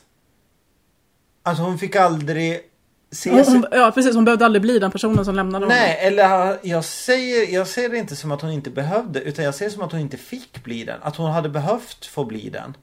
Mm. För att nu kommer hon aldrig veta om hon hade det i sig egentligen. Ja, fast jag, jag tolkar det som att hon hade bestämt sig den morgonen. Att det var därför som hon helt plötsligt var så kärleksfull mot honom. Hon skriver det till och med. Jo, jo, jo, men jag tänker att hon var ju det då. Ja. Men man, man har ju tagit beslut i sitt liv som man sen inte har fullföljt. Mm. För att man har ångrat sig av, av, av till exempel som hon säger feghet och bekvämlighet som hon säger i, i Malou von Sivers texten. Ja, just det. Jag såg det som att hon fick aldrig bli den som tog det steget och vågade lämna det där. Jaha, du tänker så. Utan nu kom hon, nu råkade hon få det hon ville men, men hon fick inte se sig själv göra det. Förstår du? Det kan ju finnas något empowering liksom i, Jaha, jag tänkte precis tvärtom. i att ta det steget Ja. själv liksom. Jag, jag tänkte att hon liksom andades ut nästan lite grann. Jaha. Över att nu behövde hon inte liksom bli den personen på orten som hade lämnat sin man. Nu blir hon istället den här sörjande kvinnan. Ja men jag tänker att hon kanske ville bli, vara den. Ja. Ja, så lite, både ris och ros gällande Anna-Karin Palm här kan vi säga. Ja. Eh, och då har vi Sara Stridsberg kvar, som vi älskar båda två, eller hur? Ja. Låter tveksam. Nej. Alltså, du vet som man ibland kan läsa så här, jag borde ha ett bättre exempel på det. Men ibland så känner jag att man har läst vissa böcker när man var så här 18-19. Och sen så, så läser man om dem när man är 26 och då fattar man liksom helt andra saker för att man har en livserfarenhet som man inte hade då. Alltså då kanske man har bara identifierat sig med den här någon sorts akut känsla av någonting. Men sen så kan man se, se liksom så här Ja, när man har varit i ett eh, flerårigt förhållande så har man ju helt andra erfarenheter än när man bara har varit eh, dödligt förälskad i någon. Det är som två helt olika saker. Och jag kan känna ibland med Sara Stridsberg att jag förstår en dimension av henne som jag älskar. Men jag tror jag har kvar jag måste nog leva lite till för att jag ska kunna fatta eller läsa mer eller whatever liksom för att verkligen kunna se hur bra hon är. Så först och främst så är ju hennes universum så otroligt snyggt och lockande. Så hon kombinerar ju Mm. eh, det, här, det här skitiga och råa och sorgsna och dekadenta med någonting liksom förhöjt. Och eh, det tycker jag exemplifieras här med de här rovfåglarna som dyker upp lite då och då. Som, Mhm. som cirkulerar över himlen i, eh, i berättelsen. Nej, men det, det, det, finns sådana här liksom Sara Stridsberg-arketyper som återkommer hela tiden. Och här jag tänkte på eh, berättarjaget mamma. Mm. Sylvia till exempel. Eh, som, som, som gör allting tidigt, som börjar jobba när hon är 14, som eh, blir gravid när hon är, är det, 16. Som dör när hon är 41. Och hur hon sen ligger med sin chalett över håret. Eh, och eh, pratar om att allting kommer att gå åt helvete. Och hur det är lika bra att hon försvinner därifrån. Samtidigt som berättarjaget... Ja, vänta, det fanns ett citat där, det var jättefint. Vi ska se. Döden grep efter Sylvia och jag grep efter livet. Så den här diskrepansen som finns hela tiden hos Sara Stridsberg. Jag tänker på den här vidriga förlossnings... Det här är kul förresten. Eh, slår mig nu när Malou von Sivers ligger bredvid Stridsberg här. Jag har ju varit och besökt Malou von Sivers efter tio och pratat om Sara Stridsbergs Darling River Oj. i en bokklubb tillsammans med, nu ska vi se, det var jag och så var Carl Michael Edenborg. Eh, CM. ja. Eh, och sen så var det Petra Östergren, Just det, känd från, eh, vad heter den, porr... Horor och feminister. Just det. Also known as kommunalsfester. Ja, just det. Precis. ja, nej men i alla fall, då, då eh, det fanns ju inte jättemycket tid för liksom, individuella frågor till alla som var med där. Men eh, Malou, von Sivers frågade mig i alla fall eh, hur jag som relativt nybliven mamma uppfattade den här förlossningsscenen som Dolores genomgår. Du har inte läst Darling River? Nej. Nej. Du ska, eller hur? Det Ja, pratade vi om i förra podden. Det måste du verkligen göra, den är helt fantastisk. Ja, nej men i, i, i Darling River tror jag att den, det liksom blir tydligare än någonsin hos Stora Stridsberg hur liksom, sex och liv samexisterar med död och sjukdom och smuts. På ett sätt som är liksom både så hypnotiskt och lockande men också så vidrigt. Mm. Och det, det gillar jag överlag, som jag sa tidigare med de här novellerna, att det känns som att det är ett koncentrat av det som finns väldigt tydligt i deras längre författarskap. Så, men um, alltså jag gillar ju noveller väldigt mycket som format. Jag har ju valt att skriva det själv också. Tidigare, nu skriver jag längre. Får se hur det går med det. Eh, men eh, jag tyckte väldigt mycket om den här. Eh, den ska bli pjäs, eller hur? Den kommer Ja. sättas upp på Stockholms stadsteater. Urpremiär 4 mars står det här, så den har ju precis börjat. ja, just det. Men, men visst känns den väldigt Sara Strittberg? Ja, alltså den... Det här amerikanska, liksom tidlösa. Men alltså någonting som jag nästan tycker har blivit hennes grej senaste åren sådär. Mm. Typ amerikansk så här road movie miljö. Men hon skildrar den som att det vore så här en typ grekisk mytologi på Ja, något sätt. exakt. Alltså det är som att Hon har också skrivit om Medea. Jo precis, Mm. men, men, men det är ju alltid Det är ju alltid som att man tänker liksom att ehm, Ja, för, Ja, men fattar. Det fin- Det finns ju en otroligt bra del av Darling River. Jag ska inte spoila för den eh, eftersom du ska läsa den förhoppningsvis. Mm. Men eh, en del av boken är ju just en road movie. När, alltså, det är fyra berättelser som alla, alla handlar om Dolores, Mm. som Lolita heter egentligen. eh, I olika stadier av livet. Och det finns en del som var min favorit. när hon ligger i baksätet i en bil och körs genom ett snöigt Nebraska och är höggravid. mm, Och där finns liksom allt som jag älskar med eh, amerikanska bilburna fiktioner. Så, och, och den känslan finns ju, finns ju här också. De åker ju inte bil. De är, men den här OS-stadion. ja exakt. Ja men där tänker jag liksom att man ser så här nu, nu är jag, jag har ju alltid varit extremt ointresserad av så här grekisk och romersk mytologi och vilka som Det gjorde dyker vad. upp igen. Men, men, men jag tycker ju att eh, jag ser framför mig såna här liksom eh, skisser av eh, olika typer av, ja men där, den bodde i Valhalla och bla bla bla. Nej men säg några så här, vad, vad, vad, vad bor de i, i, i, någon mytologi liksom? Säg något sånt eh, namn på någon plats. Mm, ja, på Olympos. Ja, Ja. exakt. Så att, och, ja det var ju väldigt snyggt apropå OS-arenan. Att det var just den. Ja men exakt, jag ser det verkligen som så här att det skulle kunna vara liksom så här eh, eh, någon sorts gudar över liksom. Det är bara det att de är En är en, en, en städerska istället för att vara någon som har blivit doppad i liksom en, en eh, flod med hälsenorna tagit tag i. Alltså att det är liksom det är någon, någon sorts ny typ av sån eh, my, mytologiska ja. med varor. Ja. Eller, Nej, men det är ju mytologibyggen hon håller på med. Jag älskar att hon är så konsekvent hela tiden.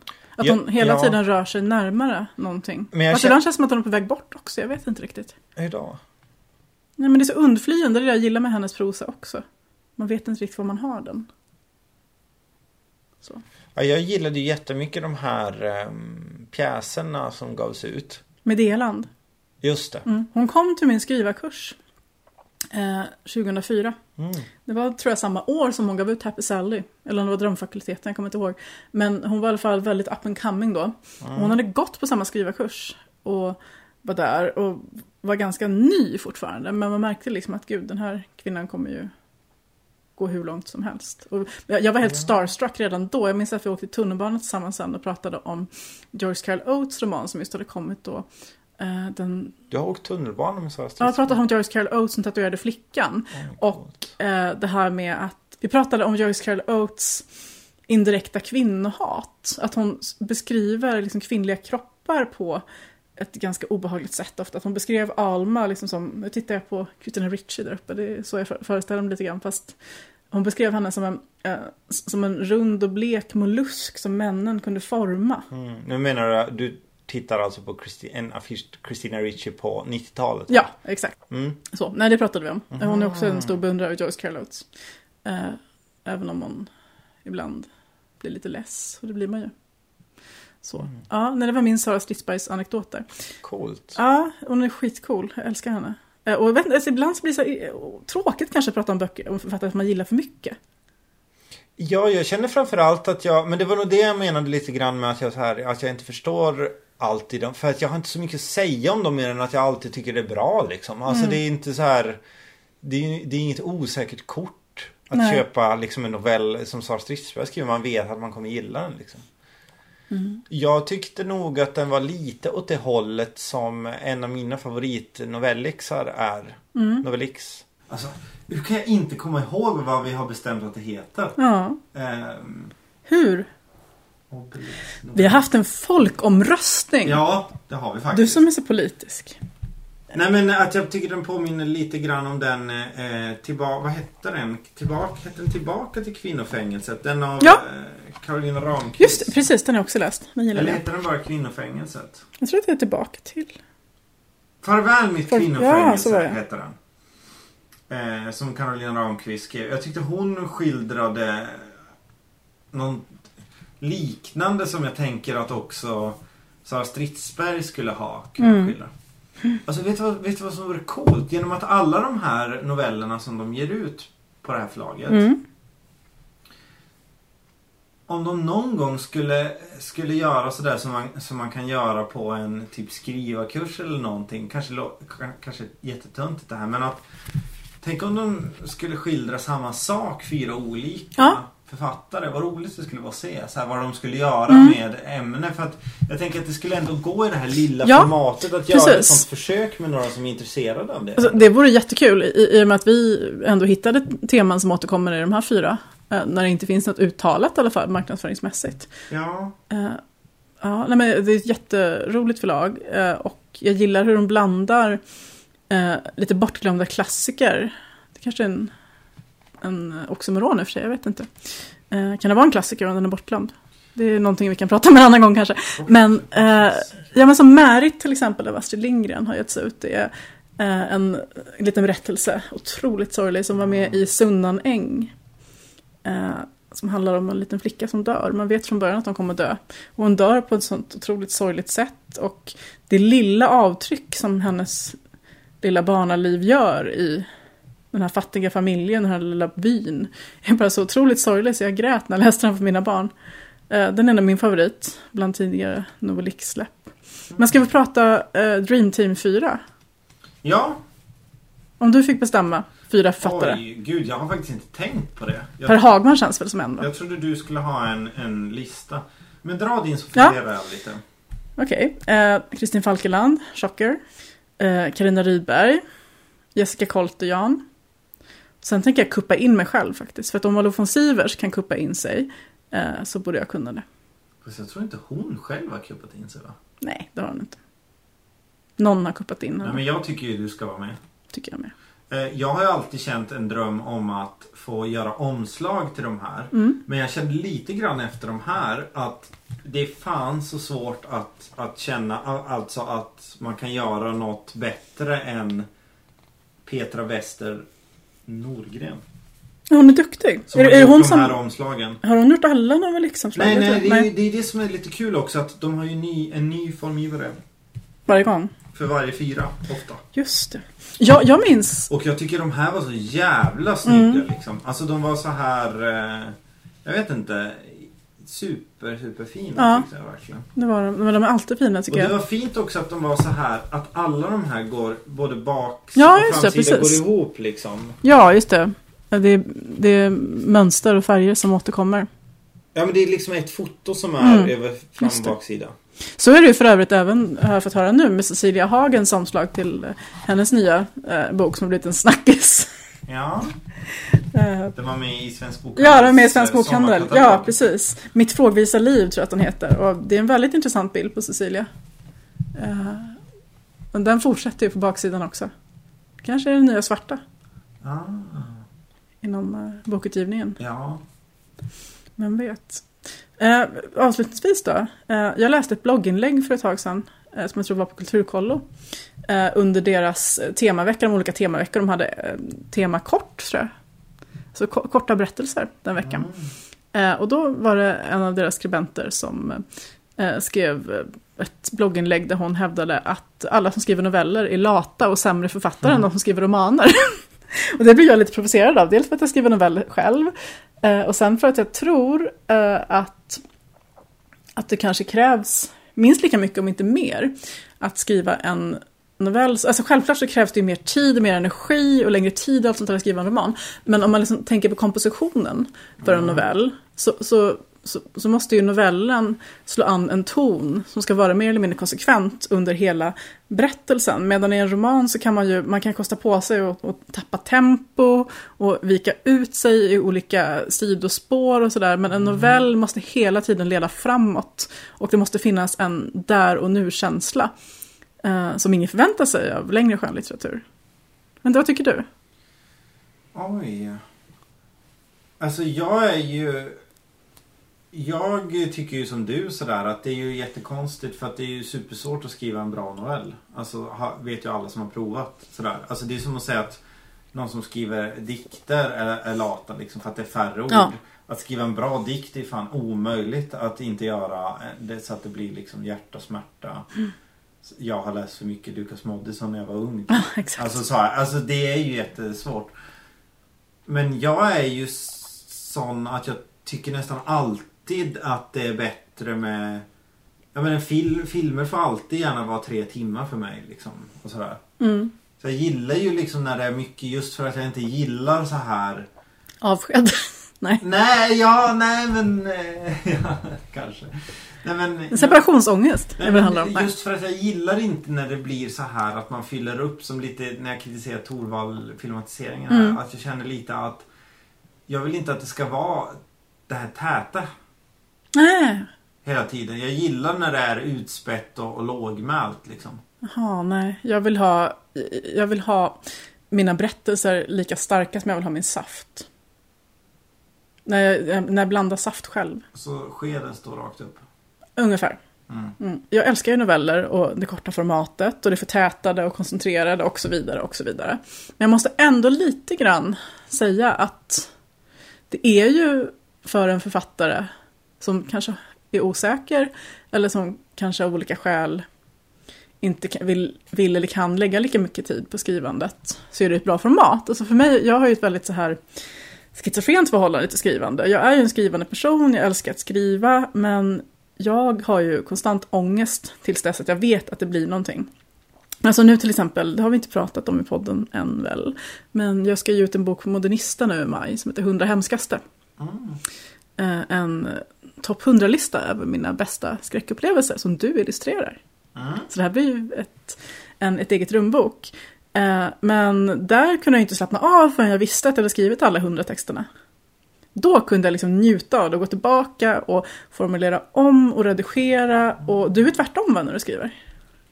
Att, att du, du gillar inte att göra färdigt. Nej, för det är... Att göra färdigt någonting tycker jag inte är kreativt. Nej, men det är tvärtom. Det är då, det är då som man får jobba på hantverket. Men jag kanske är mer så hantverksinriktad än vad du är. Ja, Så att jag vill sitta och fila, liksom, så här, byta skiljetecken. jag vill komma på saker. Jaha, nej usch. Det är det Det, jag tycker är roligt. Att det är min så här- sämsta del att komma på. så här, nu kom jag på en grej som var Mm. eh, intressant. Liksom, Som jag inte hade tänkt på innan. Eller som jag inte, alltså nu kom jag på en, en lösning på, på, en, på någon att berätta det eller det liksom. Mm. Och sen att göra det eh, så bra som möjligt. Tycker jag är tråkigt. Och gud, vad intressant, för jag är verkligen tvärtom. Komma på saker är min hatdel av Ja. att skriva. Eh, det är det mest ångestladdade. Jag går ju just nu, jag ska skriva eh, en kortroman eh, som kommer ut nästa år. Som jag precis har börjat med nu. Eh, och, Det är mycket nu. ja, det är mycket, mycket det. Så, ja, faktiskt.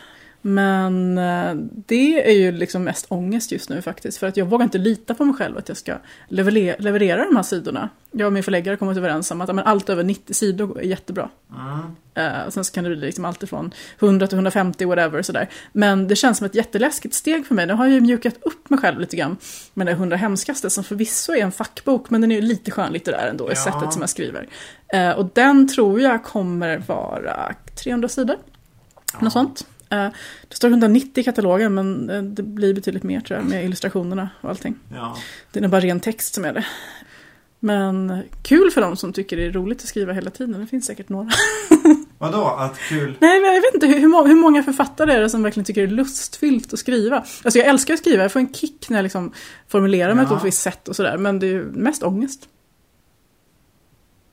Ja. Eller alltså, den, här, den här känslan, euforin som, som uppfyller en när man har kommit på någonting bra, som Mm. hände mig häromdagen.